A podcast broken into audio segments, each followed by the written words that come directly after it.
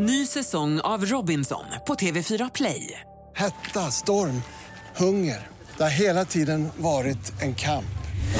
Nu är det blod och tårar. Fan händer just nu. Det. är Detta är inte okej. Robinson 2024, nu fucking kör vi! Streama söndag på TV4 Play. Hej, det är jag som är Lotta Bromé och det här är ett inslag från Halv tre med Lotta Bromé på Mix Megapol.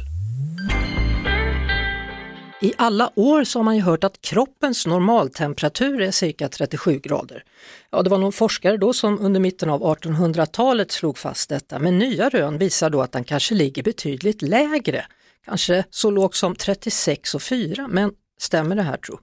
Eh, Anders Hallberg, läkare, specialist inom allmänmedicin, välkommen till Halv tre. Tackar, tackar.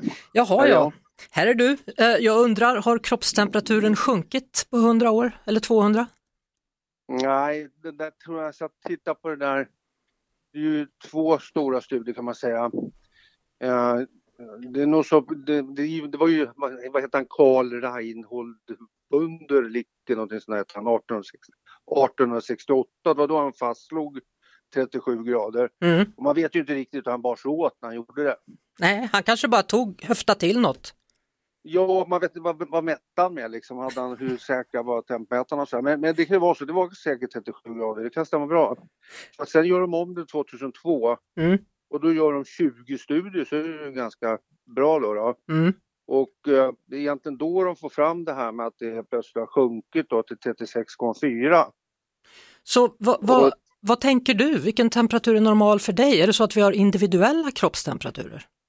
Ja, de flesta säger ju det själva. De brukar säga att "Ja, men vet att jag jag har låg temperatur, jag brukar bara ha 36, eh, jag kanske säger 36,4, jag vet inte.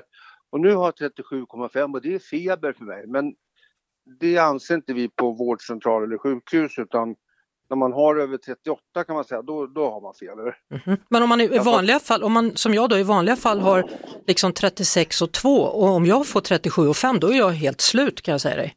Ja, då tillhör du en av de som säger så. Ja, alltså. Ja, men det, det är bara att säga, ja, visst det är så för dig att du har 36,2. Mm. Jag tror att om man skulle mäta mitt in i kroppen på dig Mm. så skulle det vara 36,4 där. Mhm. För det är ändå metabolismen i kroppen och massa saker som styr det där och sen styr ju kroppen det till syvende och sist själv. Då. Du Anders, man kan ju alltså mäta kroppstemperaturen på, på många olika sätt. Och vilket är egentligen det bästa? Är det digitalt i örat? Är det under tungan? Eller är det med kvicksilver? Eller är det i armhålan? Eller hur gör man? Ja, egentligen så anser jag att det är med kvicksilver, men det är förbjudet numera så de har tagit bort helt och hållet. Mm. Men man kan köpa en sån här LCD-tempmätare på apoteket och då står det om den ska vara i munnen eller om den ska vara i rumpan. Och en som sitter långt upp i rumpan den visar absolut bäst, det kan man säga. Då vet vi. Tack så mycket Anders Hallberg, specialist inom allmänmedicin. Hej så länge! Tackar! Det var det. Vi hörs såklart igen på Mix Megapol varje eftermiddag vid halv tre. Ett poddtips från Podplay. I fallen jag aldrig glömmer djupdyker Hasse Aro i arbetet bakom några av Sveriges mest uppseendeväckande brottsutredningar. Går vi in med hemlig telefonavlyssning och, och då upplever vi att vi får en total förändring av hans beteende. Vad är det som händer nu? Vem är det som läcker? Och så säger han att jag är kriminell, jag har varit kriminell i hela mitt liv men att mörda ett barn, där går min gräns. Nya säsongen av Fallen jag aldrig glömmer på Podplay.